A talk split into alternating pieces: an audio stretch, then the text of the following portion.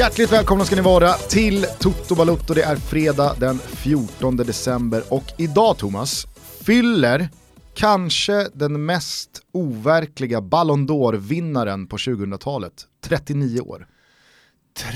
39 år fyller han ja. Mm, vet du vem jag pratar om? Fabio Cannavaro måste ju vara äldre. Mm.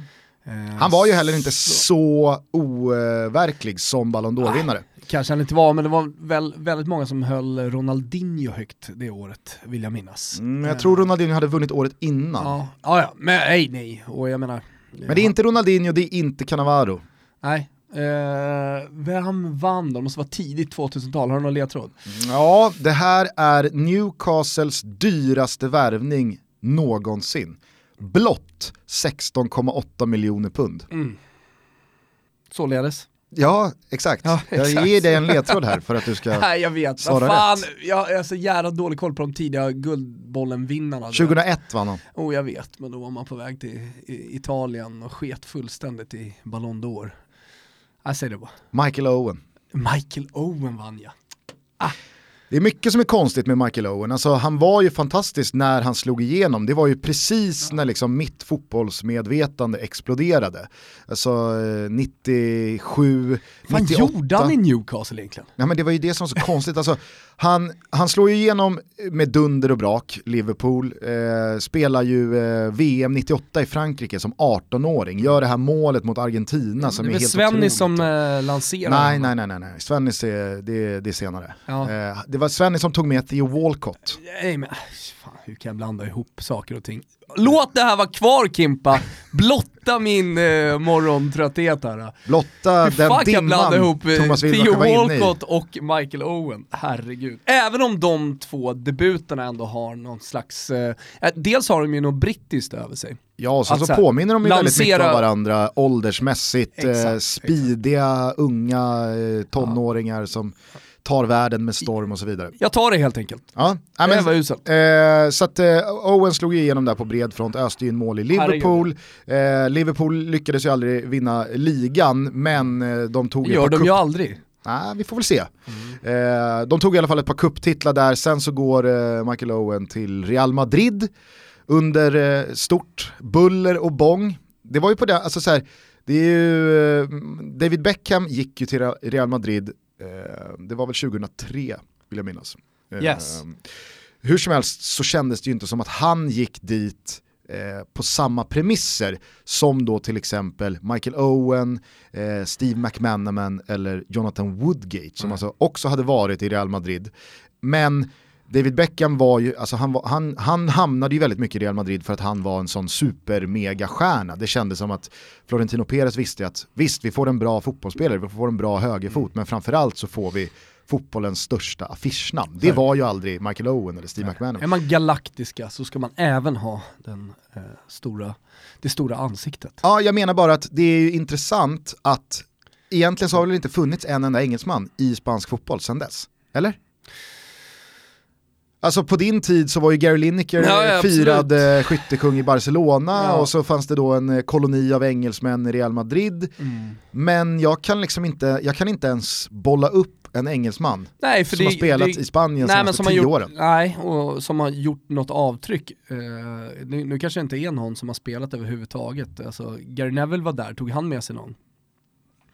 I Nej, Valencia? nej, kan, Nej, nej. för han gick ju bara på uh, Jorge Jorge, Mendes spelare, så det var ju eh, bara Det var ju väldigt mycket snack om Jack Wilshere till Barca efter några möten mellan Barca och Arsenal. tidigt. Ja, eh, där han då var otroligt bra i sin karriärs linda. Och så var det liksom att Nej, nej, men- men Jack Wilshere har en så oengelsk spelstil. Han skulle verkligen passa i Barcelona. Det är en ganska enkel tankekedja, för det är bara att börja i Real Madrid, gå via Barcelona och sen så då kanske ta Valencia, Sevilla, Atletico Madrid och jag kan inte minnas någon engelsman. Nej, jag vill minnas från min tid som kommentator på Eurosport.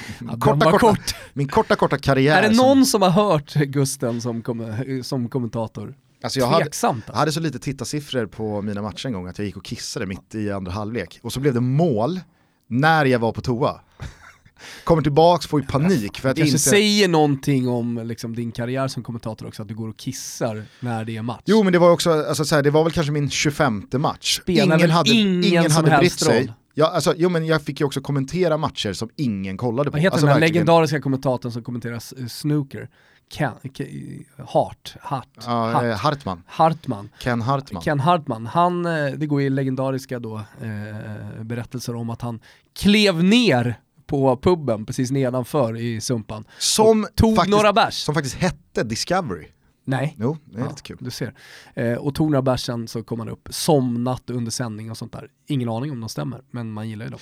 Jag eh, kommenterade i alla fall, alltså jag fick ju bara så här Indian Super League och så fick jag mycket Uefa Youth League. Ja. Alltså eh, U19-turneringen för Champions Ändå, League-lagen. ändå, ändå klassiska Eurosport-rättigheter. Ja. Man Jo. gillar ju inte det här att, eh, att Discovery på väg in och håller på att ta allsvenskan, eller har tagit allsvenskan, nu väntar vi bara på att eh, de också ska sända gamla eh, man gillar det här gamla Eurosport. Mm. Hur som helst då så minns jag så väl då att, ja men säg att det var kanske min 20-25 match som kommentator, ingen hade uppmärksammat eh, liksom mitt jobb, ingen brydde sig utan det var ju bara så här, ja vi har Gusten på kontrakt, han måste göra någonting i, när, under veckorna när det är väldigt lite av eh, andra arbetsuppgifter. Så vi skickade in honom på någon så här, det kanske kan bli en 3 plus kommentator av honom som, ja det är väl bra att ha den strängen på lyran. Hur som helst så minns jag då att jag tisdag 13.00 får då Shakhtar Donetsk Anderlecht i Uefa Youth League.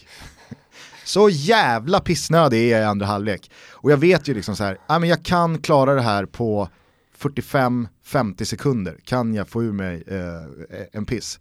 Och jag hade ju dessutom i någon kort liten coaching eh, några månader tidigare fått då tipset att våga vara tyst.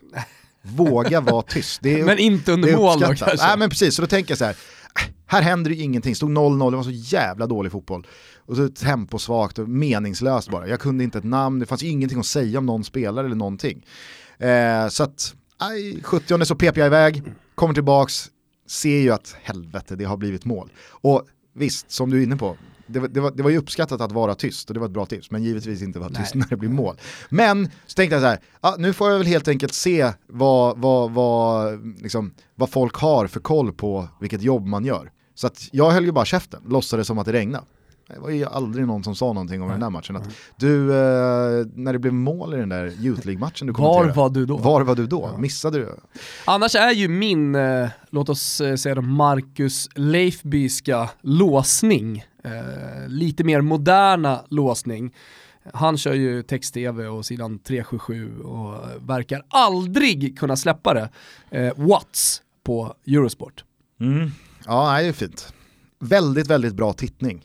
På det är det va? Ja. Ja. Nej, det, det, det är smått genialiskt och får alldeles för lite utrymme när man ska hylla saker i svensk tv. Nu är det självklart För de som har missat Watts på eh, Eurosport, vad är det för något? Nej men Watts är ju, det kan vara bloopers, eh, det kan vara eh, ja, men roliga grejer som händer i samband med en tävling oavsett eh, vad det är för idrott. Alltså nå- någon som får en blomma, eller men det är väl någon liksom som ramlar, eh, någon kameraman som eh, råkar gå in i en cyklist eller ja, sådana saker. Det är bara ett potpurri på högsta växel Ja. i fem minuter från sportens värld med dråpliga händelser, roliga händelser, fina gester eller fina liksom, ageranden. Eh, Men i och med att det här sänds också i hela Europa så kan jag tänka mig att Watts, eh, någon härlig lyssnare kanske har statistik, men att Watts på något sätt är det mest sedda eh, reportaget, om vi får kalla det för det då, eh, varje vecka i Europa. Alltså jag, jag lovar att det i alla fall är topp tre. Ja, ja eh, vi landade i Watts då, men eh, stort grattis på 39-årsdagen då till Michael Owen. Mm. Blev ju inte vad det skulle ha blivit den karriären. Han avslutade väl med något Eller så slags blev det precis vad det skulle bli. Ja, ah, nej, nej. Fan, han var destined for greatness alltså. Men det blev liksom... Jag tyckte eh, aldrig det. Du, du hade ju ingen aning borta i Italien. Ja, alltså, Vad fan Michael Owen var menad Owen, för. Men jag trodde aldrig på Michael Owen så att han skulle bli bäst i världen. Men som du säger också, Ballon d'Or, mycket, mycket sjukt. Ja, och sen så liksom så här, det, det, det flög ju heller aldrig, man köpte ju aldrig riktigt heller att han gick från den här misslyckade sessionen i Newcastle Nej. på free transfer till United, tar sjuan på ryggen och här, vad, vad, är det här, vad är det som händer här? Gjorde väl i och för sig ett eh, derbyavgörande 4-3 Jo, mål det är klart han har gjort mi- alltså, minnesvärda mål och det är klart att Michael Owen har varit en stor fotbollsspelare. Men han fejdade ju bara ut. Ja. Alltså, det be- behöver man Men det där inte tycker jag nästan- för speciellt mycket idag. Nu, Nej. alla fejdar ju ut idag. Ja, alla utom Messi och Ronaldo. Ja, vi får väl se. Ja, det, jo men brintiden har ju varit lång. Jo, tänk jag, men, på att, ja, men jag tänk pratar bara om de här Messi, stora spelarna som vi de senaste åren har, har liksom såhär, jaha, Drogba la av igår. Ja. La inte han av för två år sedan? Ja men precis, det är ju såhär, Xavi brin, brintiden är över. Brintiden är över, men man fortsätter att spela fotboll. En gång i tiden så la man av när brintiden var slut. Det som är så intressant, eller det som är så unikt med Messi och Ronaldo var att de debuterade tidigt. Inte minst Messi, som var väl bara 17, 16, 17, eh, när han liksom började sin stora karriär. Ja, Eh, Ronaldo, sen- var ju inte, alltså, Ronaldo var ju inte mycket äldre. Alltså, var, Han var inte mycket äldre heller, eh, me- men jag menar bara att alltså, det normala är ju när man inleder så tidigt att det blir lite som eh, med Michael Owen. Man har bara ja, men, så här, tio år max som en eh, kvickspelare. Ronaldinho har vi snackat om tidigare. Där vi ja, också alltså, är så här, man brasse fortsatt- så får man ju halvera de tio åren. Ja, får man ju Som brasse halvera. har man fem år. Jo, nej men eh, alltså, han, gjorde, han gjorde avtryck i Milan, absolut. Men fortfarande så var han ju bara en skugga av sig själv, alltså, om man jämför med, med Barcelona-tiden. Alltså, brintiden var någonstans över, sen hade han ju några fina år, absolut, men det var inte närheten. Eh, det jag menar med Michael Owen är att det, det, det är väl det rimliga, att när man är den spelartypen, att det, liksom, den här edgen försvinner. Du, du har en annan Torres. Alltså som bara rev, rev igenom alltihopa. Fortsatte sin karriär i mer eller mindre större klubb, stora klubbar, kom tillbaka till Atletico Madrid under en storhetstid, eh, om man ser på det ur ett större perspektiv i Atletico Madrids klubbhistoria. Eh, och gjorde nog mål även då, men han var, inte, han, var, han var ju också bara en skugga av sig själv. Kommer du, alltså eh, det här året Messi så och har Ronaldo ju, är liksom bäst i världen. ja. Det här året så har ju, det är ju länge sedan en måltorka för en svensk spelare har fått så mycket uppmärksamhet och eh, det har varit sån stor snackis som Marcus Bergs måltorka i landslaget. Mm. Fortfarande ingenting jämfört med snacket kring Torres måltorka när han gick till Chelsea. Nej. Ja, det var ju helt otroligt alltså. Ja. Hostade väl upp eh, 600 miljoner för honom eh, från eh, Liverpool och sen så kommer han och gör inte ett mål på vad, fyra månader. Hur, mycket, hur mycket betalar man? Jag vill minnas att de eh, skyfflade upp eh, 50-55 miljoner Och det var ju sjukt mycket pengar då. Mm. Men så tänker man på att Morata kostade vad då 80 Ja. euro Ja. mm, miljoner. Och ser hur han lirar Mm. och är petad var och varannan match. Eh, vad är hans värde idag? Alltså 30-40. Alltså på gamla meriter, på Real Madrid, på Juve. Det är så jävla konstigt med Men Morata. vet du, för kommer aldrig var, flyga med Morata. Han var så jävla bra i Juventus. Ja, ja, otrolig. Och då ska man komma ihåg att han var ersättare också mycket. Sen så gjorde han ju en bra Champions League-sejour. Det var ju det någonstans som fick eh, Real Madrid helt övertygad om eh, att ta tillbaka honom Mm. och att ge honom en, en chans till. Men Skickade så väl liksom- ut just Real Madrid i semifinalen där 2015. Ja, eh, jag trodde han liksom hade hittat då sig själv lite grann i Juventus och att det skulle bli någonting stort i alla fall. Men eh, som sagt, det där är ett plan som aldrig kommer lyfta. På tal om Champions League då, det har ju varit eh, Europaspel för sista gången den här hösten eh, i veckan. Vill du höra en liten sammanfattning? Kör! Vi börjar givetvis i Istanbul där Malmö FF rättvist slog Besiktas med 1-0 och i och med det löste avancemang till 16-delsfinalerna i februari. Firma Antonsson Rosenberg visade återigen klassen där den senare på bästa Francesco Totti-vis mötte ett uppspel, slog den blint i djupet på en framforsande Antonsson som var iskall i avslutet. Quaresma märkte Frallan Brorsson för livet och i slutet blev det onödigt spännande. Men skitsamma, grattis MFF! Toto Balotto lyfter på hatten. Andra Europa League-rubriker är att Milan missade avancemang efter förlust mot Olympiakos. Men hej, möter man Vasilis Torosidis så möter man Vasilis Torosidis. Big Mike Lustig fick fira födelsedagen med en jävla smäll mot huvudet, men trots förlust för Celtic gav hans gamla klubb Rosenborg honom en fin födelsedagspresent genom att klara kryss borta mot Laipan och således ge Celtic avancemanget. Hängde ni med där? Fjolårsfinalisten Olympique Marseille lyckades bara skrapa ihop en... Olympique! Förlåt. De lyckades bara skrapa ihop en futtig fiaskoartad poäng på sex matcher och lämnar alla lika förbryllade som vanligt. Hade inte OM något stort på gång. Chelsea, Sevilla, Arsenal, Villarreal, Betis, Zenit och kusarna är däremot gruppsegrare som mm. pallade för favorittrycket.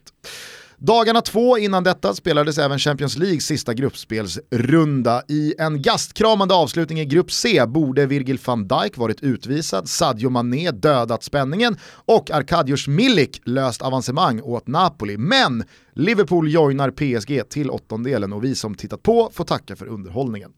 En annan gastkramande gruppupplösning var den i grupp B där Inter slarvade bort avancemanget genom att inte slå ett redan jumboklart PSV hemma på San Siro. Parallellt med detta fick Spurs slita hårt mot ett B-betonat Barcelona, men Lucas Moras kvittering i den 85 minuten tog alltså de liljevita vidare. Ajax och Bayern München stod för en annan högst sevärd historia när de spelade 3-3 i ett barslagsmål på Amsterdam Arena. Borussia Dortmund lyckades sno tillbaka gruppsegen från Atletico Madrid och CSKA lyckades med den smått skrattretande bedriften att slå regerande mästarna Real Madrid två gånger om, men ändå sluta sist i gruppen. Robert Lewandowski gjorde flest mål av alla, åtta stycken. Porto, Lyon, Ajax, Bayern München och Barcelona var lagen som gick obesegrade genom gruppspelet medan Monaco, PSV, AIK Aten och Hoffenheim inte lyckades plocka en endaste. Mm. Trea, punkt slut. Jag tänker på det när du eh, drar svepet här, för det är det man gör, man drar svepet. Att det var en ändå sällsynt händelserik sista omgång av Europaspelet. Ja. Ofta tänker man på det, jag skrev eh, någon slags sammanfattning av grupperna inför eh, till Expressen i måndags. Och eh, ja, men, la märke till att det fanns ganska mycket drama. Eh, och, men ofta så blir det inget drama, alltså, om det händer så, eh, och så tänker man att det är ganska osannolikt, eh, så blir det lite drama. Men här blev det ju verkligen så. Alltså Ajax hemma som du nämner, ja, Malmö, eh, att eh, jag tror inte det skulle bli så spännande som det blev. Eh, du hade Milan, eh, så att, jag, jag menar så att den här veckan hade ändå ganska mycket. Vilket... Ja men hela upplösningen i grupp C där, Champions League, ah, med Liverpool, Napoli. Herregud. Ja men där visste man nog, det, var nästan ga garanti på att det skulle bli dramatiskt. Men i de här andra matcherna, att Milan eh, var tvungen att förlora med två bollar för att åka ur och så gör de det och så har de chanser på slutet, det är en straff som är feldömd. Alltså, alltså det, att det var, Inter det var många... sumpade hemma mot PSV. Ja, var det hemma? Ja. Ja, du, du ser. Det är helt otroligt. Alltså, den matchen hade jag till och med räknat bort. Eh, eller så här, räknat bort. Men där ska man ju verkligen lyfta upp van Bommel som en potentiell stor tränare. Han hyllas enormt i Holland just nu och jag märker att eh, de stora tidningarna runt om i, i världen, The Guardian, Gazzetta dello Sport, han har ju spelat i Milan så det kanske finns en koppling där såklart, men börjar skriva lite längre texter om då den här eh, ja, tränaren van Bommel som nu, är på väg att ta över. Nu räknade jag upp eh, PSV som ett av de lagen som inte lyckades knipa en enda seger under hösten, men just i PSVs fall så tycker jag att det är värt en asterisk. Alltså de ska ju inte nämnas på samma sätt som AIK Aten som har varit klappkassa. Eh, alltså PSV har ju verkligen haft stolpe ut. De ja. gör ju insatser mot både Inter och Barca hem två. Eh, men alltså de torskar hemma mot Barca, där ska de ju ta ledningen både en och två och tre gånger om. Eh, hemma mot Inter så är det också en riktigt, riktigt bra prestation. Eh, mot Tottenham så leder man eh, till och med borta hela vägen fram till slutet när Spurs mm. lyckas. Alltså du vet, de gör ju verkligen ett bra... Och sen det de gör i ligan också. Exakt, där, är, där åkte de ju på första förlusten här nyligen mot eh, Sampas Feyenoord. Eh, snackade med Sami i, i dagarna här. Eh, jag eh, hjälpte vår gode vän Kristoffer Svanemar här att lösa en, en liten sittan med Sam inför eh, Feyenoord Ajax i slutet på januari. Han ska göra Destination Europa där. Mm. Eh, titta gärna på första avsnittet här snart eh, när Svanemar är ute för tredje säsongen. Eh, på Ruhrderbyt på Feltins Arena i Gelsenkirchen, Schalke, Dortmund. Jag har kikat lite över axeln här när han sitter och redigerar på kontoret. Jävla feta bilder. Mm. Eh, nej men då så inledde jag vårt, vårt eh, samtal med Samp här i dagarna med oss. Jag har en ny hästaffär på gång. Sugen? Sa han ändå? Ja, ja absolut. Ja. han har inte gett upp. Nej. Han har inte gett upp. Nej, men, eh, ska man aldrig göra. Bara sy ihop säcken med PSV. Så jag är helt med dig. Van Bommel... Eh, ska visdomsord som jag rullar. ska man aldrig göra. Vad är det för något? Jag, jag vet inte. Nej men jag är med dig där. Eh, PSV eh, tycker jag verkligen förtjänar cred, trots mm. eh, en nolla i vinstkolumnen och bara två poäng ja, och plats. Men sen förtjänar de lite spotlight på sig också, för mm. jag tror att det, det, är någonting på gång med van Bommel. Och just det där att som redan klara jumbo åka till eh, Milano och möta Inter borta, som är högmotiverade, som har eh, avancemang i egna händer, och lösa 1-1, det säger ju ganska mycket om tränaren, vad man kan, vad, vad, man kan liksom gjuta ja, men sen för hade han ju, i sitt lag. Eventuellt, jag ska inte säga att det spelar så jättestor roll, men det finns finns ändå där någon procent eh, och ett par promille att han har spelat i Milan. Ja, ja men verkligen, det, det, det, det ser jag som, som givet. Det är kul också, van Bommel var ju länge Bert van Marviks eh, förlängda arm ute på planen och sen så var han ju assisterande till honom. Sådär. Man gillar ju när eleven liksom blir mästaren. Jo, men så det är dags, att, det är dags den... att mygga av van Marvik. Ja, men det är få spelare som man har sett på planen uh, och som man har tänkt den där spelaren kommer bli tränare och han kommer bli bra. Jag menar, han hade ju precis allt på planen för att man skulle tro på en stor tränarkarriär efter. En tydligare ledaraura får man ju leta efter. Ja, sannoliken. Eh, men eh, vill du bara kort säga någonting om eh, liksom, the game här, eh, Liverpool-Napoli? Ja, men jag, ja, det vill jag såklart. Eh, jag tycker att Liverpool är extremt imponerande. Det är klart att Napoli har de två chanserna. Eh, det ena med Kai som man sätter i stort sett eh, varje gång. Alltså det är liksom ett patenterat Napoli-anfall. Först under Sarri, men för all del även nu under Ancelotti. Insigne som med en omöjlig boll hittar Cajon på bortre stolpen och så sitter den bara eh, vid eh, antingen första stolpen eller den andra. Han är otroligt skicklig eh, och konsekvent i de eh, situationerna. I det här fallet så missade han. Och sen har ju då Arkadius Milik eh, superläget eh, på stopptid också att göra målet. Men om man ser över 90 minuter, de chanser som Liverpool, framförallt eh, Sadio Mané, bränner, mm. så, så tycker jag att de imponerar otroligt. Alltså de spelar med sin matchplan i 90 minuter. Eh, ofta om man kollar på, jag skrev det i min krönika också, Alltså det finns vissa få naturlagar inom fotbollen. Eh, men en naturlag är att när det är en match av finalkaraktär så blir det andra laget som leder och är på väg att vinna, och på väg att gå vidare, på väg att vinna en titel eh, de sista 20 minuterna tillbakapressade.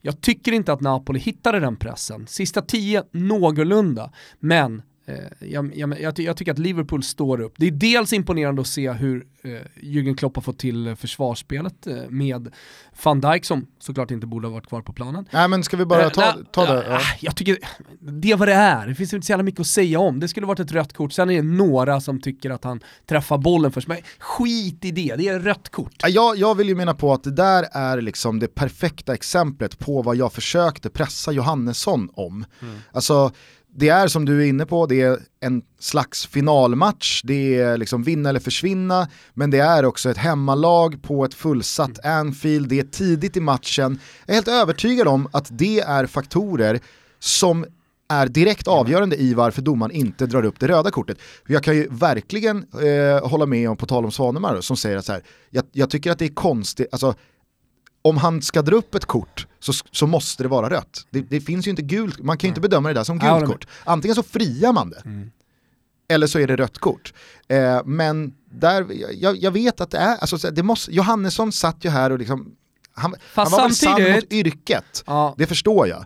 Och som han var inne på även själv, att så här, ja men självklart så kan inte jag, eh, jag har inte alla svar på vad gäller mänsklig psykologi. Det är det jag menar och jag tycker ändå, jag menar som domare när han sitter i en sån här intervjusituation så måste han ju ändå liksom fortsätta hävda att man följer regelboken, att man eh, i alla fall försöker att inte påverkas. Eh, men han säger det flera gånger i vårt avsnitt också, märk mm. väl att det är tre, fyra gånger han kommer tillbaka till att jag, jag vet inte vad som händer i en mänsklig hjärna Nej. i olika situationer. Nej, men jag är helt så övertygad det, om Det är att... klart att han på ett sätt är påverkad. Ja. Jag, för, ja. Nej, men för jag tror verkligen att hade, hade Liverpool lett med 3-0 och det där är i 83 minuten, mycket lättare att dra upp röda kortet då. Ja, då hade det röda kortet dragits ja, upp. Och bara på tal om den här situationen, Ja, eh, det finns mycket jag gillar med att vi har satt har värvat Jamie Carragher.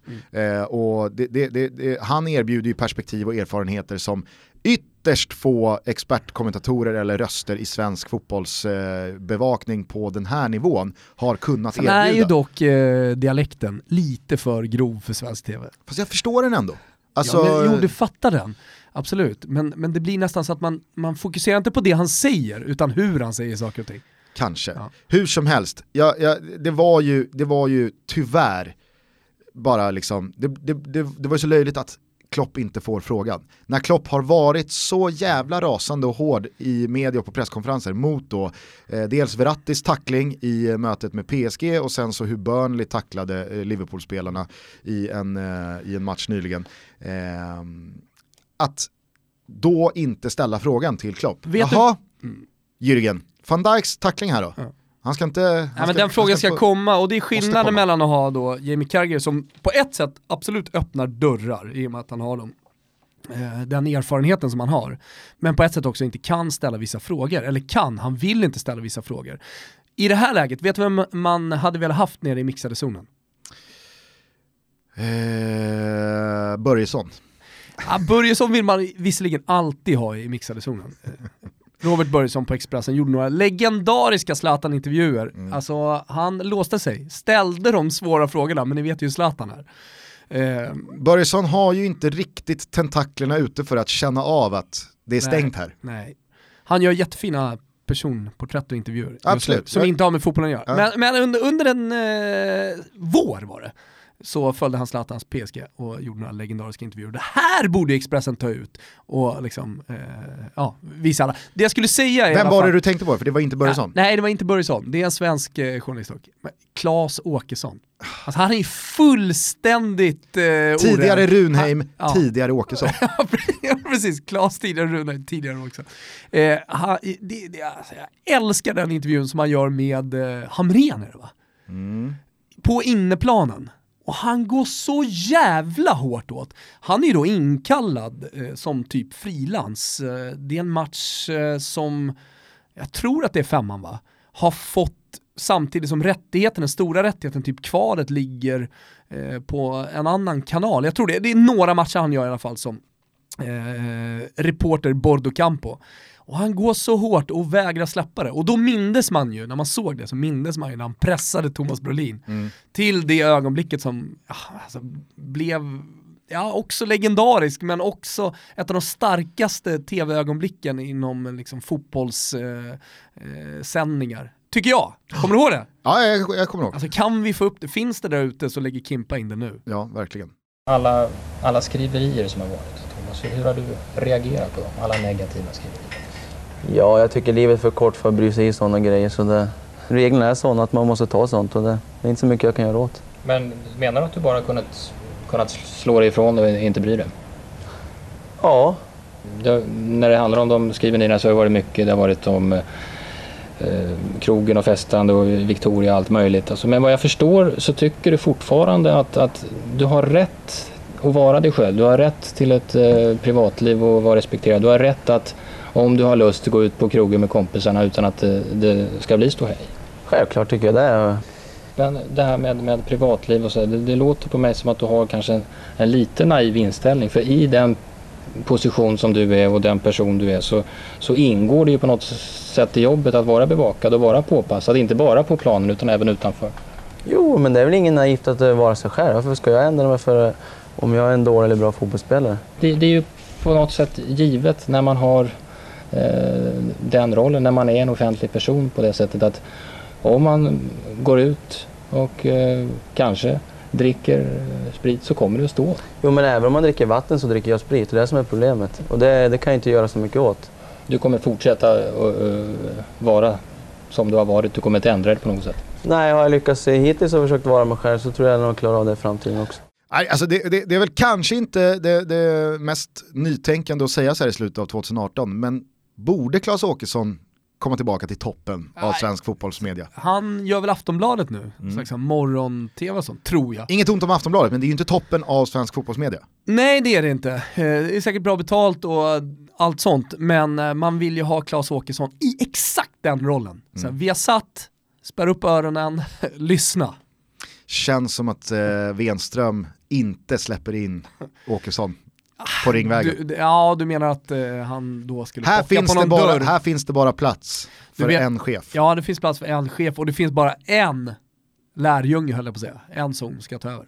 Alltså. Han sitter mitt emot mig. Aha, ja. Ja, det, det var ju fint sagt. Men det är nog, det är nog 300 Champions League-sändningar bort. Alltså i kroppen, alltså man, när man gör sådana här äh, tester på hur ung man igen, eller hur gammal eller ung man egentligen är, Mm. så är ju Wenström yngre än vad du är. Det var väl eh, liksom eh, den stora grejen när Henke Larsson gjorde Ja, men då började det här komma också. läkarundersökningarna eh, när han skulle gå från Celtic till Barcelona. Eh, och då var han väl, kan han ha varit 35? 34? Så. Eh, och läkarna i Barcelona var ju helt förbluffade. Han har en kropp som en 23-åring. Jävla mäktigt alltså. När det, ah, fan Henke alltså. Det sjukaste är ju Tagit hand- när, har du hört han, om, han, han har verkligen behandlat sin kropp som sitt tempel. Mm, men det sjukaste storyn där, har du hört om när Johan Mjällby gjorde ett sånt test?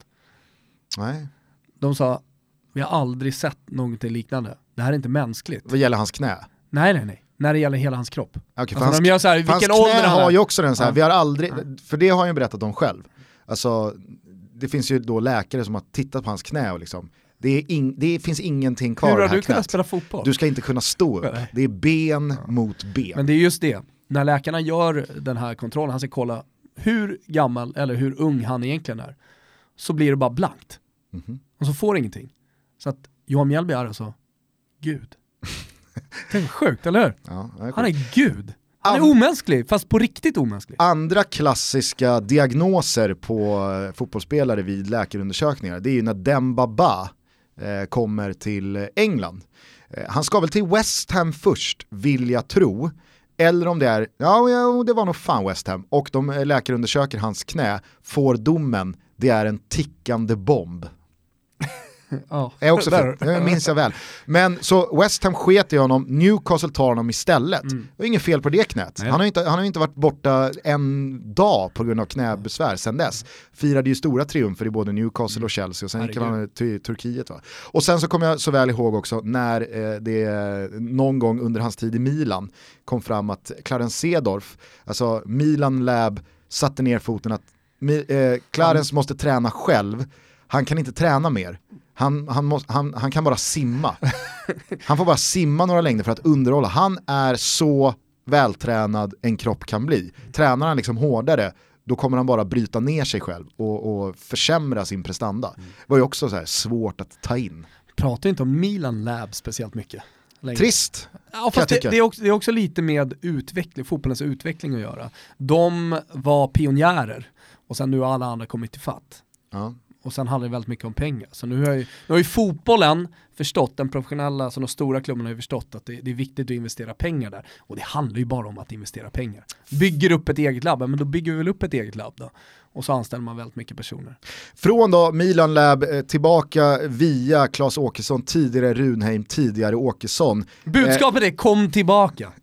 Ja, men eh, genom det budskapet då tillbaka till Anfield och den här matchen, för du var på väg någonstans i Ja. ditt resonemang med att Just det. Nej, Napoli inte då, eh, liksom, de, de lyckades inte frammana det som krävdes, även fast de hade chansen. Ja men det som var så speciellt med matchen också var ju att ett 2-0 mål spelade ju i stort sett ingen roll. Det är klart att man närmare tre mål då. Eh, Men eh, 2-1 hade ju tagit Napoli vidare också, precis som att 1-1 hade tagit Napoli vidare. Eh, Det, det, det gjorde någonting med matchen, jag tror att det gjorde någonting med Liverpools, eh, ja men någonting med deras skallar hela tiden, att de fortsatte vid, vid sin matchplan. Det spelar liksom ingen roll vad som händer, vi måste pumpa vidare. Men jag tror också att det är en karaktär som Jürgen Klopp har satt på det, detta Liverpool. Eh, att man inte frångår den matchplanen. Jag tycker att Pep Guardiola är en annan, eh, men annars är ju det vanliga att man ska ha en plan B. Alltså med Jürgen Klopp och, och Pep Guardiola är det ganska sällan man kommer tillbaka till och pratar om det här med plan B. För att de är så framgångsrika med att liksom stå fast vid sin eh, matchplan som man har haft från början. Det, det är liksom så här vi kör. Vi pressar högt. Mm. Vi är intensiva hela tiden i 90 minuter. Och ja, men det, det någonstans för mig är det som är mest imponerande. Han har satt försvaret, men han fortsätter också med den här intensiva pressen och det är ja, för jävla bra. Det, de små justeringar som man har gjort, till exempel att sätta Salah som falsk nia och sådär, ja, men det räcker någonstans för att göra Liverpool oberäkneliga. Eh, inför, nu var det ju många som givetvis räknade med att PSG skulle lösa det eh, efter sista matchen mot Röda Stjärnan, men inför näst sista matchen mot Liverpool så var det ju verkligen ja, men en unison fotbollsvärld som eh, menade på att ja, åker eh, PSG ikväll så tar liksom deras säsong slut. Man har redan avgjort ligan, man leder väl med typ 15 poäng Och Europa League-titeln skiter ju de där spelarna fullständigt i. Eh, hur ser du på Napolis fortsatta säsong här nu då? Alltså, Alltså, de kommer... finns, det, finns det risk för att luften går ur lite? Ja, det är klart att det finns. Eh, sen, sen, så tror jag, precis som många andra lag som spelar i ligor där titeln mer eller mindre är avgjord.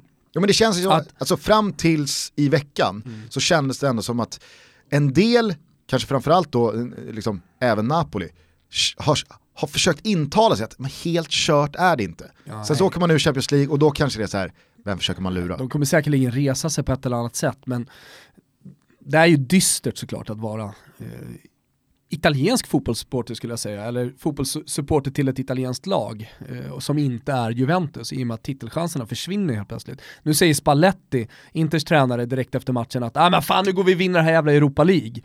Och när han säger det, när jag hör honom på torsdagskvällen eh, liksom lägga ut de orden så tänker jag, ja vad fan, det är väl bara för Inter att åka och vinna det där. Och sen när Enok Goitom och eh, Åström och vem är det mer i studion? Bank. Ja, det är banken, för fan. Eh, liksom drar upp hela liksom, den- här tavlan med eh, lag som då har gått vidare. Inser att nej, det här vinner inte Inter. Nej nej nej. Så helvete vilket, vilken stark line-up 16-delsfinalerna har i Europa League. Vi ska alldeles strax eh, givetvis eh, komma till Nej, men det jag, Europa skulle League och komma, jag, Malmö skulle bara. Ja. jag skulle bara säga det med, med, med Napoli. Alltså, de, de är återigen där. Alltså, jag skrev det också i min krönika.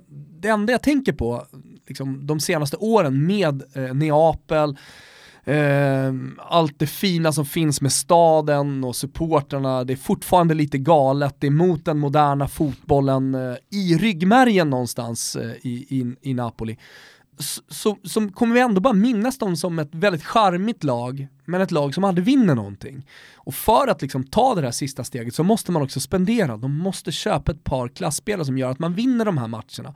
Eh, och jag, jag är fullt medveten om att Mertens, Insigne, Kai eh, Hamsik och så vidare, det är jättebra fotbollsspelare. Men när man möter Liverpool borta, då behöv, behövs det någonting till. Det räcker kanske inte med Koulibaly, eller uppenbarligen så gör det inte det. Eh, och, och det är det de faller på. Om de inte ändrar den strategin, ja men då kommer man fortsätta vara den charmiga förloraren. Så idag, 2018, det är dagen efter Lucia, 14 december, så är Napoli den charmiga förloraren. Kommer fortsätta vara så. Ska bara knyta ihop den här Champions League-summerande säcken. eh, Men, men eh, gör det, men är det, är det någonting fint då? Är det ett fint epitet? För mig är det inte det. För mig är det ganska deprimerande att vara supporter till den charmiga förloraren. Ja, Alltså, det är alltså, en sak, men, men är du, du, och jag, du och Så- jag är ju just nu supportrar inte ens till men- charmig förlorare, Nej, men så här, förlorare. Du kan vara den charmiga förloraren eh, och vara ett ganska litet lag. Problemet med Napoli och epitetet den charmiga förloraren är att de är lite för stora. De har vunnit ligatitlar, de har varit på gång, de har stora ambitioner, de pratar inför varje säsong om att nu ska vi vinna titeln, nu ska vi utmana Juventus. De kommer i den här svåra gruppen, jo men Napoli kan ändå göra det.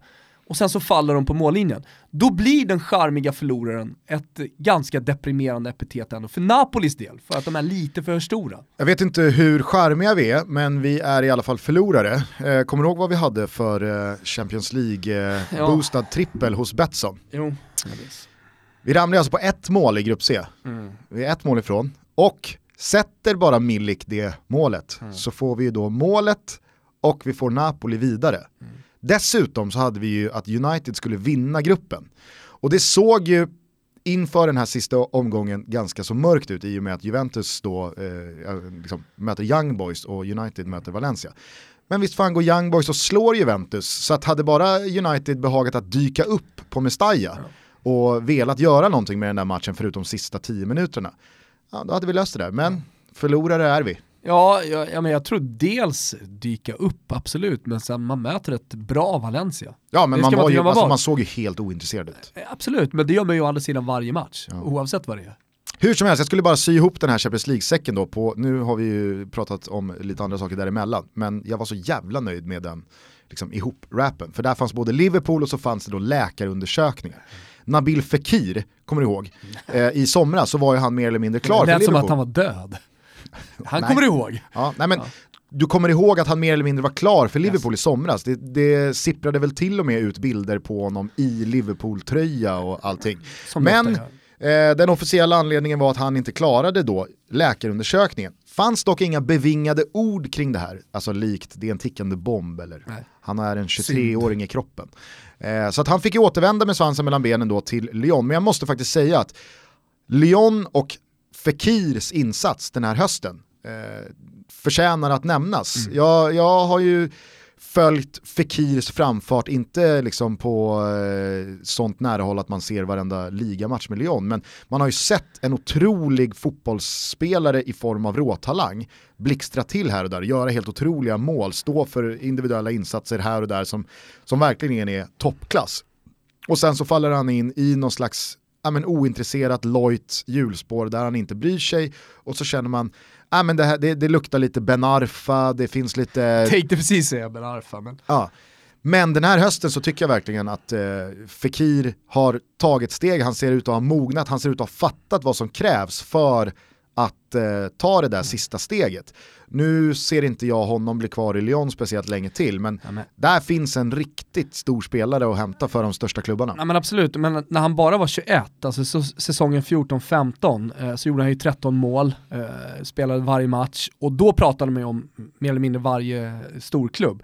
Det som hände 15-16 var ju att han pajade knät och då hade han också inlett fantastiskt. Och sen då, Sen var det ju under de åren så var det ju Lacazette som var liksom den nästa Jo men skulle- det roliga var ju att Fekir liksom. var ju hipsterkillen att gilla, det var inte Lacazette. Det var ju såhär, jo men han som ligger bakom allt, eh, han som verkligen är intressant är ju Fekir. Och så kom den här knäskadan och man slutade prata om honom. Eh, men sen kom han ju tillbaka säsongen efter, gjorde det bra. Nu Alltså är ju 16, 17. hipsterkillen att gilla Cornet. Ja, exakt. Eh, och, men förra säsongen, alltså han, han smattrar in 18 baljer. Mm. Alltså det, det, det, det, är förvå eller skulle förvåna väldigt mycket om han inte gick till en stor klubb. Det blir väl Liverpool vad det lider. Samtidigt, det var något så jävla fishy med det där. Alltså att han inte, Ja. när han är på plats, det kändes som att Liverpool ångrade sig snarare än att han inte klarade Ja, läkarundersökningen. eller så. Kanske det var någon så här financial fair play grejer som inte... Ja, eller så var det liksom så här, fan vi kan, vi kan, vi kan lösa Shakiri, vi kan lösa. Shakiri för 40 miljoner pund mindre Mm. och de kanske var ämnade för lite samma roll i truppen. Ja. Jag vet inte. Ja, och sen var det ju eh, ett VM också som eh, Shakiri gjorde väldigt bra. Högt betyg i alla fall till Fekir och Lyon som tar sig vidare till åttondelsfinalerna. Där jag bara undrar, eh, alltså det är ju idel tufft motstånd då från gruppsegrarna, det fanns ju ingen riktig skräll vad gäller gruppsegrare. Eh, däremot så har jag delat in grupptvåorna då, då i eh, följande block. Liverpool, Atletico Madrid och Tottenham. Det är ju mardrömslotten att få för gruppettorna som kan få dem. Sportsligt ja. Mm. Mm. Sen så finns ju Roma och Manchester United där också. Visst. Lite sämre, eller? Ah, så, herregud. Eh, Ajax-Lyon är ju en bra lott att få, men de, drömlotten är ju Schalke. Alltså, Eller? alltså, De ja, har ju inget på gång. det är bara det att någonting har fastnat vid Ajax för mig. Alltså Mm. de, de har verkligen någonting på gång. Alltså det är ett jävla fint lag och de spelar otrolig fotboll och det de gör mot Bayern München är, ja det är mäktigt någonstans. Men skulle du sträcka dig så långt att liksom, ifall du heter eh, PSG, Ja. hade du hellre fått United än Ajax? Nästan.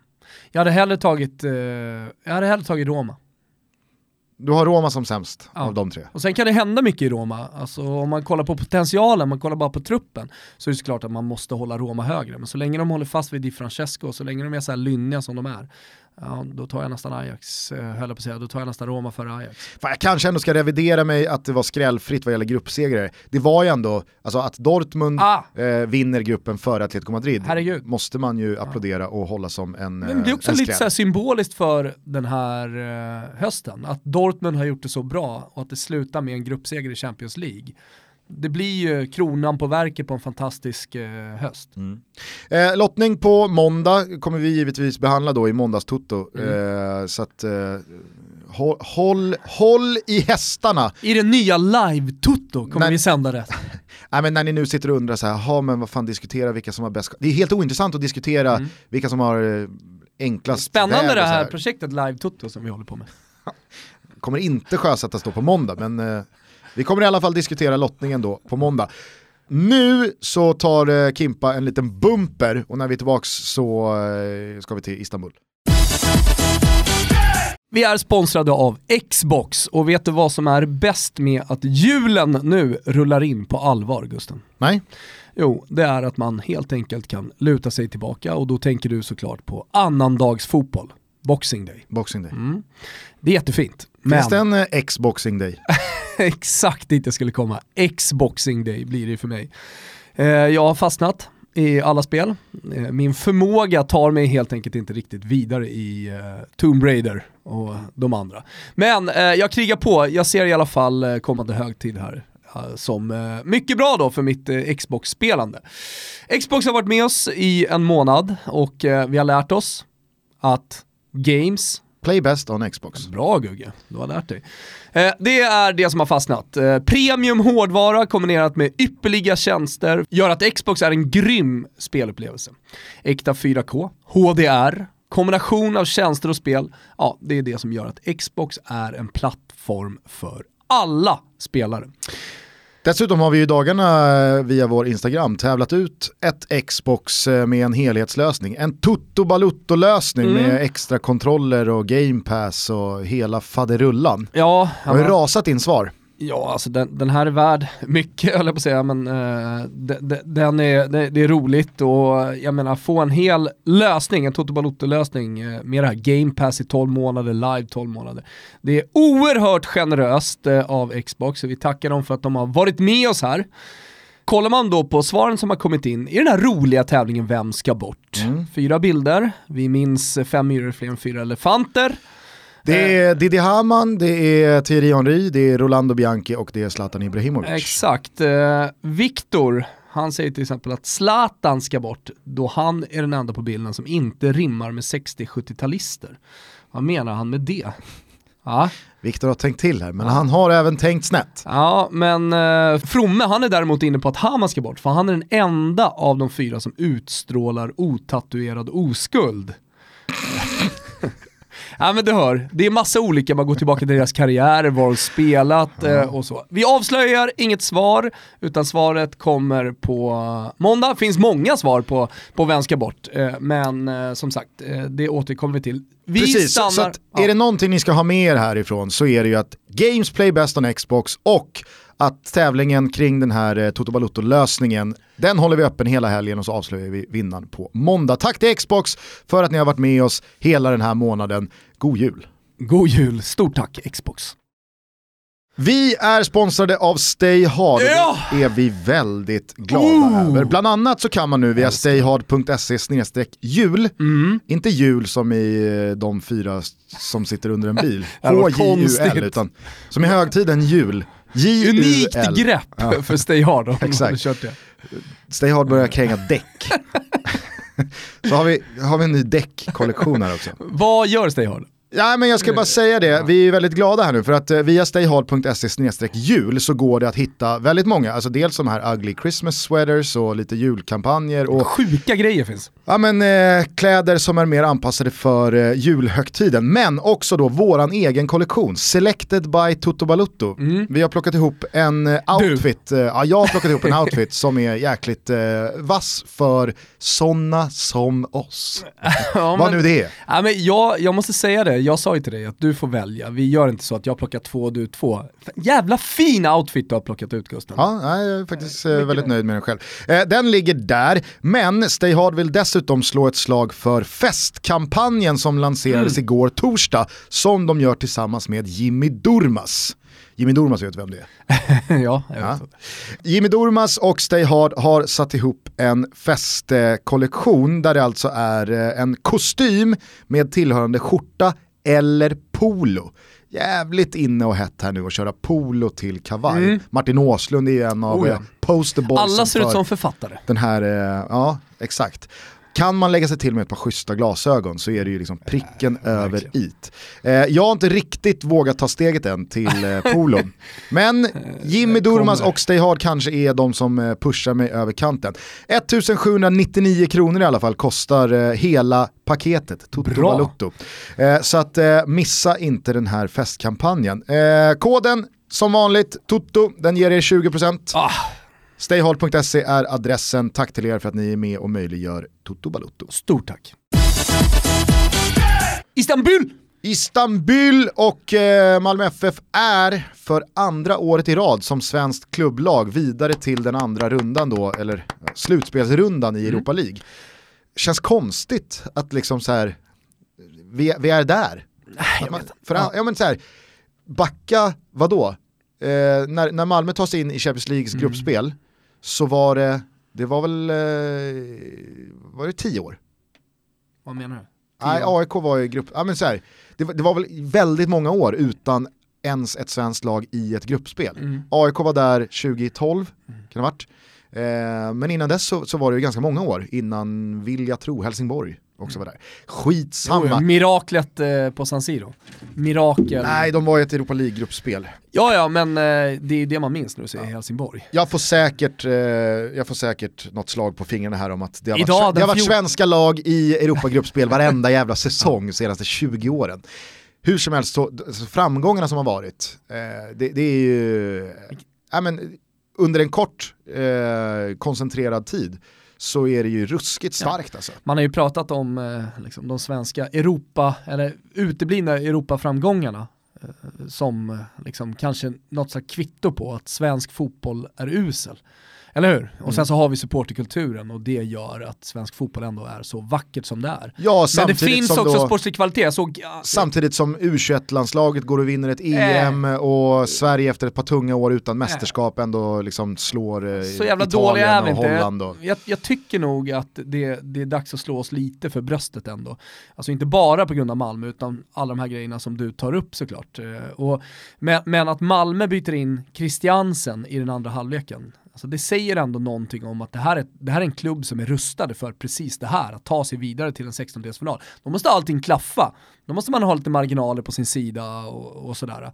Sen kan man ju prata om att eh, Malmö, ja, de hade ju den här dubbelvirket i första halvleken och, och det är klart att Besiktas hade chanser. Men det hade också Malmö. Mm. Alltså i sina kontringar så skulle de, och när de växer, så måste de också sätta de chanserna. Ja, Rasmus pratar väldigt mycket Bengtsson om har att ett här- superläge på en hörna där i slutet på första halvlek också. Precis, man pratar mycket om att vi måste stänga matcherna. Hade det blivit 1-1 i den här matchen, då hade man suttit här nu och pratat om att Malmö måste växa, de måste eh, ta med sig den här erfarenheten och lära sig att man måste stänga matcherna. Alltså det är ju Sadio Mané nivå på lägena Malmö har för att göra 2-0 i den här matchen. Exakt, exakt. Eh, men, men, men med det sagt så är det jätteimponerande. Tangerar det Östersund gjorde förra säsongen när hela Sverige liksom låg platta. Tänkte jag, lilla Östersund gör det här stora. Det var ju uppenbarligen inte ett så litet eh, Östersund om man kollar rent sportsligt. Nu är Graham Potter i Swansea. Eh, spelarna som var nyckelspelare har liksom flyttat ut i Europa och gör ju mer Ken eller mindre Sema startar i Premier League, Ah, Saman Ghoddos gör det bra i ligan. Nej, Alltså, exakt, så man fattar liksom att där, där, där hade man gjort ett fantastiskt eh, liksom, sportchefsarbete genom att hitta de här spelarna eh, och eh, Graham Potter han slipade den här truppen till en diamant och man fick ut maximalt. Eh, Malmö FF är ju någonting annat, alltså där tycker jag att det finns ytterligare en nivå och jag tror att de kommer fortsätta den vandringen. Ja, och jag tycker... Men de vinner ett SM-guld. Alltså återigen där, om vi nu ska prata om liksom den, det sportsliga i, i svensk fotboll och hur, hur bra eller hur dålig svensk fotboll är eller hur, hur bra vi mår. Eh, så, så måste jag säga att vi är någonstans på väg att pika. Kanske har allsvenskan sedan eh, Göteborg på 90-talet aldrig varit bättre. Nej. Nej, kanske. Ja, det, är, det är alltid svårt att jämföra olika eror och olika årgångar. I och med att det är så få matcher också som är eh, avgörande. Alltså det kan handla om ett kvalmöte i eh, Champions League. Eh, jag menar, hade Djurgården lyckats slå ut Juventus där? Alltså, Nära var de leder ändå med 2-0 på Del Alpi. Så jävla, dåligt, så jävla Nej, dåligt av Djurgården att inte vinna den matchen. Jag skulle vilja säga att Fan. allsvenskan aldrig har varit bättre sportsligt under 2000-talet i alla fall än vad man är nu. Ja, nej, okej. Eh, jag säger i alla fall inte emot. Eh, och, och jag skriver under på det du säger. Jag tycker dessutom att det är extra imponerande av Malmö att göra den här prestationen bara en knapp vecka efter Håkan Jeppssons mycket tragiska bortgång. Jag tycker att Besiktas förtjänar en eh, schnitzel för att man eh, liksom är med på eh, Malmös sorg, uppmärksamma den också. De hade ju en bild på Håkan Jeppsson mm. på storbildsskärmarna innan matchen när det var en tyst minut, eller en applåderande minut som vi gillar här i Toto. Eh, där de också då deltog i, i sorgen med Sorry for your loss och, och sådär. Så det tyckte jag var väldigt fint. Och att Malmö då i den här stunden kan samla kraft och stå för den här insatsen och göra kanske sin ja, men sin bästa bortamatch mm. i Europaspel. För att är det någonting man kan säga om Malmös samlade Europaspel de senaste åren, alltså då väger jag in Champions League-gruppspelen också, är ju att det har varit en enorm skillnad på Malmö borta och hemma på stadion. Där har man kunnat rubba ganska stora lag och man har verkligen kunnat eh, mäta sig sportsligt. Medan man på bortaplan har varit ett ganska lätt byte. Mm. Eh, här åker man ju till en erkänt riktigt, riktigt tuff eh, bortamatch mot ett högkvalitativt lag med spelare som har erfarenheter och landskamper och meriter som Malmö-spelarna bara kan drömma om. Mm. Det fladdrar förbi en Adam Jajic, eh, det är en Wagner Love som inte får uh, ordning på grejerna. Vida spelade VM-final i somras. Uh, ja, ja, men alltså, stannar, vi, stannar vi honom två sekunder jävlar vad tufft han hade det mot Antonsson. Alltså var det Vida som var så extremt var... långsam eller Marcus var ju liksom- Antonsson? Liksom... För man har ju sällan sett Marcus Antonsson sprinta ifrån allsvenska backar på det där sättet ja, som han var ju, ifrån Känslan Vida. var ju att det var Messi mot Svante Samuelsson. Det var bara Ja, och det var ju peta-stick, det var ju Sankt Erikskuppen ja, ja. på Antonssons, äh, han latchade med Vida. Ja, men det var nästan så han blev förvånad själv, oj, är jag här nu? Ja, men så här, är det så här enkelt att möta en sån här spelare? I mål står Karius som spelade Champions League-final i våras. Eh, alltså det är verkligen eh, klassspelare. Den lilla pitbullen. Det är, det är turkiska landslagsmän, du, exakt du har Gary Medell där som har spelat stora matcher med Jävla både Inter och Chile. Jävla trött han var Gary Medell. Helt slut på, de har en chans, är det Antonsson? Eller är det Windheim? Någon har en chans ja, på slutet, ja, som tar på... Ja, det är ju där det avgörs, för det, det blir hörna. Just, han vet ju att det är över ja, då. Ja, exakt. Fan vad trött han är där. Visade han med all önskvärd tydlighet. Nej men eh, verkligen hatten av för Malmö och Uwe Rösler alltså. Han Fotbollsvärldens ju... kortaste eh, hälsenor just nu, de sitter ju i Gary Medell på. Kommer ingenstans. Ja, det, det, det, den pukan är hårt spänd. ja, verkligen. Eh, Uwe Rösler, måste mm. man ju säga, avslutar ju det här första eh, liksom kalenderåret, den första sessionen i Malmö FF med att verkligen, ja men till och med brotta sig fram till årets tränare. Ja. Om man sammantar allting. Jag menar liksom så här, Europa-insatsen också. Eh, för att eh, poängsnittet han tar i allsvenskan sen han eh, landar, det är liksom eh, AIK-nivå, det är guldnivå. Och han tar dem eh, inte då till Champions League, men ändå in i gruppspelet i, Champions, eller i Europa League. Man kan väl säga vad man vill om en grupp med Sarpsborg, Genk och Besiktas. Eh, jag, tror, jag tror ibland att det just Europa League kan finnas en fördel att möta lag som ser på Europa League som en fan här ska inte vi spela, vi ska spela i Champions League. Ja men snarare börda. Lex då Marseille till exempel. Eh, eller Leipzig som Eh, spelade Champions League i fjol och nog tycker att vi ska ju spela Champions League, vi ska inte spela Europa League och så kanske man går på halvfart istället. Här är det ju ett gäng som jag eh, tror, eh, ja men, och verkligen har visat under den här hösten också. De tar Europa League på högsta allvar. Sarpsborg kraftsamlar och det är lika stor grej för dem som för svenska lag med Europa League. Och så ett Besiktas då som förvisso gick väldigt starkt i Champions League i fjol och, och eh, nog har en självbild av att vi ska spela Champions snarare än Europa League. Men som kvalitativt ändå, ja, men ändå gick för det får man ju säga. Ja. Så att, äh, imponerande som fan av Malmö. Jag skickade ut på eh, Twitter i morse en liten gallup, jag tänkte att du skulle få gissa. Eh, jag frågade nämligen Malmö FF-supporterna så här. Håller ni avancemanget från Europa Leagues gruppspel högre än avancemang till Champions Leagues gruppspel? Och så la jag även till då svarsalternativet, eh, för då tog jag ja, nej eller jag bryr mig bara om SM-guld. Mm -hmm. eh, nu är ju Malmö FF-supportrarna lite av en egen art, de har ju liksom så här en ja, men en kaxighet och en svansföring som inte kanske finns representerade bland andra supportrar. Det finns då en vinnarkultur som sitter i väggarna som de gärna eh, proklamerar. Eh, men hur tror du procent? Det är 1262 personer som har svarat. Mm. Hur tror du eh, procenten ser ut då på att man håller avancemanget från Europa Leagues gruppspel högre än avancemanget till Champions Leagues gruppspel?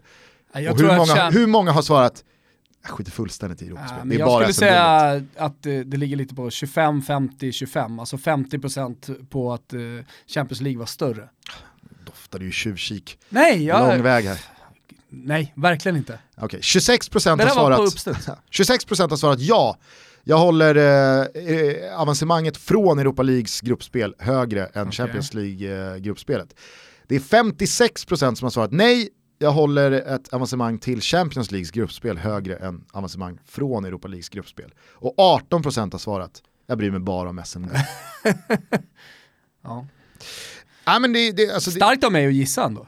Ja, får man säga, där är, ju, ju, där är ju rätt på det. Mm. Eh, vi kan väl bara avsluta då, det, det där eh, segmentet med då att eh, Malmö nu alltså kan ställas mot Villarreal, Salzburg, Zenit Sankt Petersburg, Dinamo Zagreb, Arsenal, Eintracht Frankfurt, eh, Dynamo Kiev, Chelsea och Sevilla.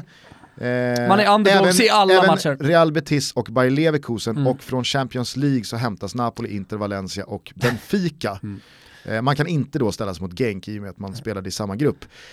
I Europa League-studion då som vi nämnde med Henok och Simon Bank och Tommy Åström. Finns någonting som jag tycker är konstigt med att Henok Goitom står där som lagkapten för Det var AIK? många som tyckte igår också. Ja. Det, det, det, det är någonting konstigt. lustiga. Ja, det finns väl kanske någonting. Någonting som Men det är det här att göra TV, Mm. alltså så här, samtidigt som man har en fotbollskarriär. Ja. Mm. Hur som helst, de, landade, ju i, de landade ju i alla fall i att eh, MFF nog gärna vill ha Dinamo Zagreb eller eh, Dynamo Kiev. Och då antar jag att de går på liksom ren kvalitet eh, för att eh, man då eh, ger Malmö högst chanser att gå vidare till en åttondelsfinal mot dem. Och jag tror också, om man jämför Malmö och Östersunds eh, avancemang här, nu, alltså så här, nu, nu vet vi ju inte hur Östersund hade reagerat på en annan lott, men de fick Arsenal, det var ju såklart då väldigt eh, väldigt mycket som talade för att Arsenal skulle gå vidare. Men Östersund valde att omfamna den lotten som att vad fan, skitkul att möta Arsenal och det är ju två matcher som kommer vara helt fantastiska att delta i. Sen så hade det säkert funnits enklare lotter att få rent sportsligt. Men nu fick vi det här och, och det blev kul. Så tror jag inte Malmö kanske så här, tänker i samma utsträckning, utan de vill väl ha nu ska, vi, nu ska vi vidare och vi ska gå. Men eh, vilka hade du gärna sett? Alltså så här, I det här läget, som jag liksom mumlade här medan du pratade, så är Malmö eh, underdogs i alla de här matcherna. Eh, det finns mer eller mindre liksom lättare motstånd, men som fortfarande är jävligt tuffa bortamatcher. Du bollar upp Dynamo Kiev här, jag hörde igår i studion man pratade om de två Dynamo-Dynamo-lagen, alltså Zagreb också. Eh, och det är klart att Malmö är ja, men någonting annat än Östersund. Alltså de jublade när de fick Arsenal. Äh, nu tar vi den här utmaningen också. Fan vad ballt med att få hit eh, Arsenal mitt i vintern. Och det var, det var det ju verkligen, jag håller med. Medan Malmö tänker att vi ska ju ta oss vidare. Vi ska, vi ska till åttondelsfinalen. Så lite annan inställning har ju såklart klubbarna till, till eh, de respektive matcherna.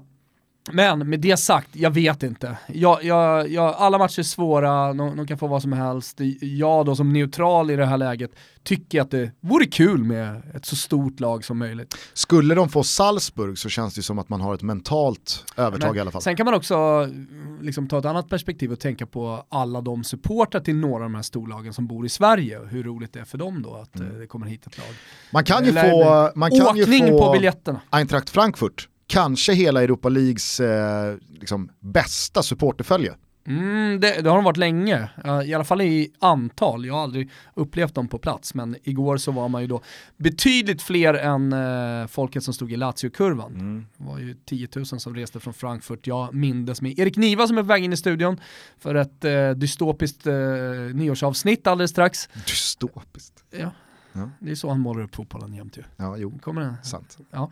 Eh, mindes då när de åkte till Bordeaux i orange, eller som Erik Niva sa, i AIK orange. Mm. Omvänd bombarjacka, tidigt 90-tal. Köln gjorde väl också en bejublad Europa League-säsong här nyligen, alltså i bortafölje. Ja, nej men precis, men här har det varit en konsekvent liksom Tyskarna stor skara tyskar Euro som Aways. hela tiden åker. Ja det gör de verkligen. Eh, och Frankfurt tycker jag har gått i bräschen. Ja. Hörni, eh, vi ska ta och avsluta eh, dagens Toto Balutto. Vi kan väl göra det med att Thomas Wilbacher bara kort får kommentera AIKs påhitt här att injicera Nils-Erik Johanssons DNA i lagkaptensbinden. Jag säger så här, det har gått för långt nu.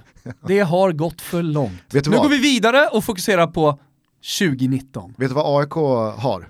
Igen. Hur, hur, hur mycket ska man gotta sig i, i det här guldet? Nej, men vet, du vad, vet du vad AIK har igen? Nej. De har för mycket pengar. Ja det kan man nog Så se. AIK kan inte hantera fyllda fickor. Nej. Då ska det splashas på de mest extravaganta sakerna. Vadå, så han är på väg ner till Schweiz nu? Nej, han har varit i Schweiz. Och utvunnit DNA? Så har de plockat ut hans DNA och liksom på något sätt då applicerat på eller injicerat i Men fabrikatet injicer- som är lagkaptensbinden. Och så, dels så säljs den här men jag antar också självklart jävla att mycket DNA Henok och framtida AIK-kaptener ska ha då eh, lagkaptensbindeln med Nisses DNA. Alltså det är klart att det finns något balt med det här, jag köper ju det såklart. Men, men det, är ju, det här är ju en Vad grej har det kostat? i raden av prylar man har, man har hållit på med. Vad har det här kostat? Det är ju det man undrar. Ja, Eh, Nils-Erik Johansson är också på väg in i Toto-studion. ja. Inte nu, men eh, inom en snar framtid. Ja, då får vi eh, fråga honom vad han då tycker om det här. Hörru, ska vi lägga ner det här Spektaklet. projektet Toto Live på en gång? Ja, Ja, det, det, okej. det, ja, nu är det ska vi göra. Ja. Eh, vad vi däremot inte ska lägga ner, eh, det är våra Toto-tripplar som vi gör eh, tillsammans med våra älskade vänner på Betsson. Betsani! Vi har i samband här med avsnitt 200 gått igenom vårt lager eh, på vårt kontor och hittat eh, lite eh, väldigt, väldigt ovanliga gul och gulo tröjor. De eh, tog ju slut i samband med VM. Väldigt många som låg på under turneringen där och ville ha flera tryckta, men vi sa nej. Eh, men det finns, eh, det, det, finns två kvar. Och de tänker vi att vi skickar in som kicker eh, till helgens Toto-trippel. Som du och jag gemensamt har kommit överens om ska innehålla eh, följande tre ben. Jag börjar med att tro att Liverpool gör över 2,5 mål på ett skadeskjutet Manchester United på söndag. Mm, jag ser inte emot där, jag tror också att de kommer göra en bra insats. Gör de 1-0 så gör de ju 2-0 och sen 3-0. Mm, det finns ett annat lag som eh, kommer att köra, som är arga.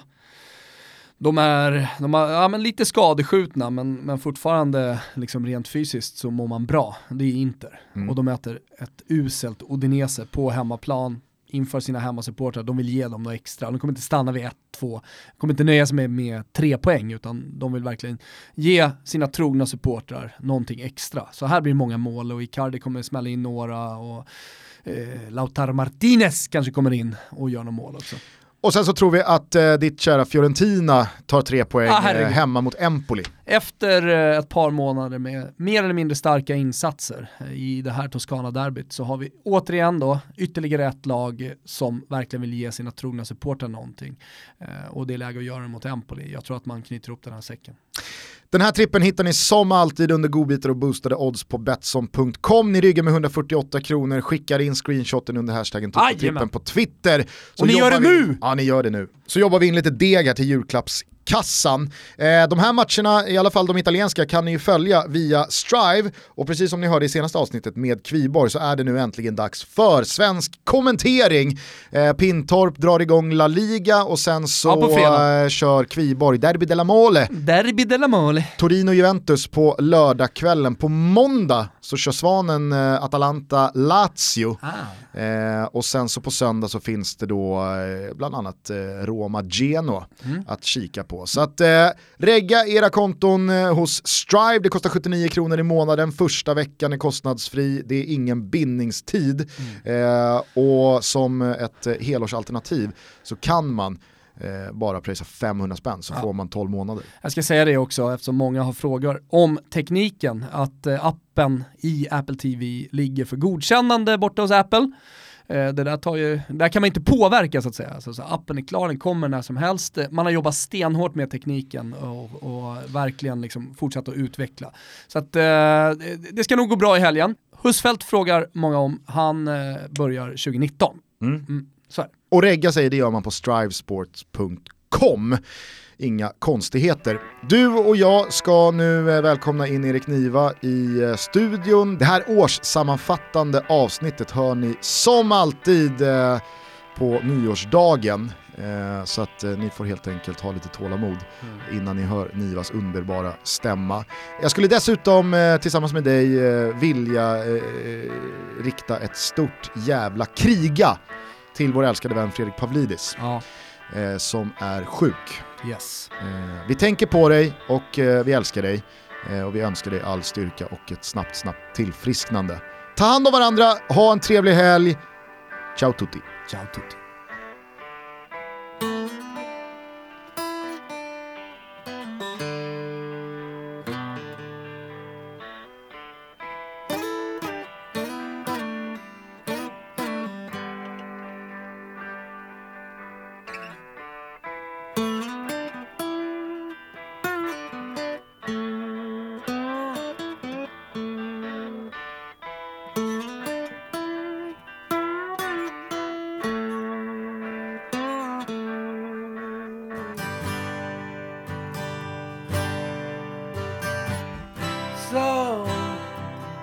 Tell heaven from hell, blue skies from pain. Can you tell a green field from a cold steel rail? A smile from a veil.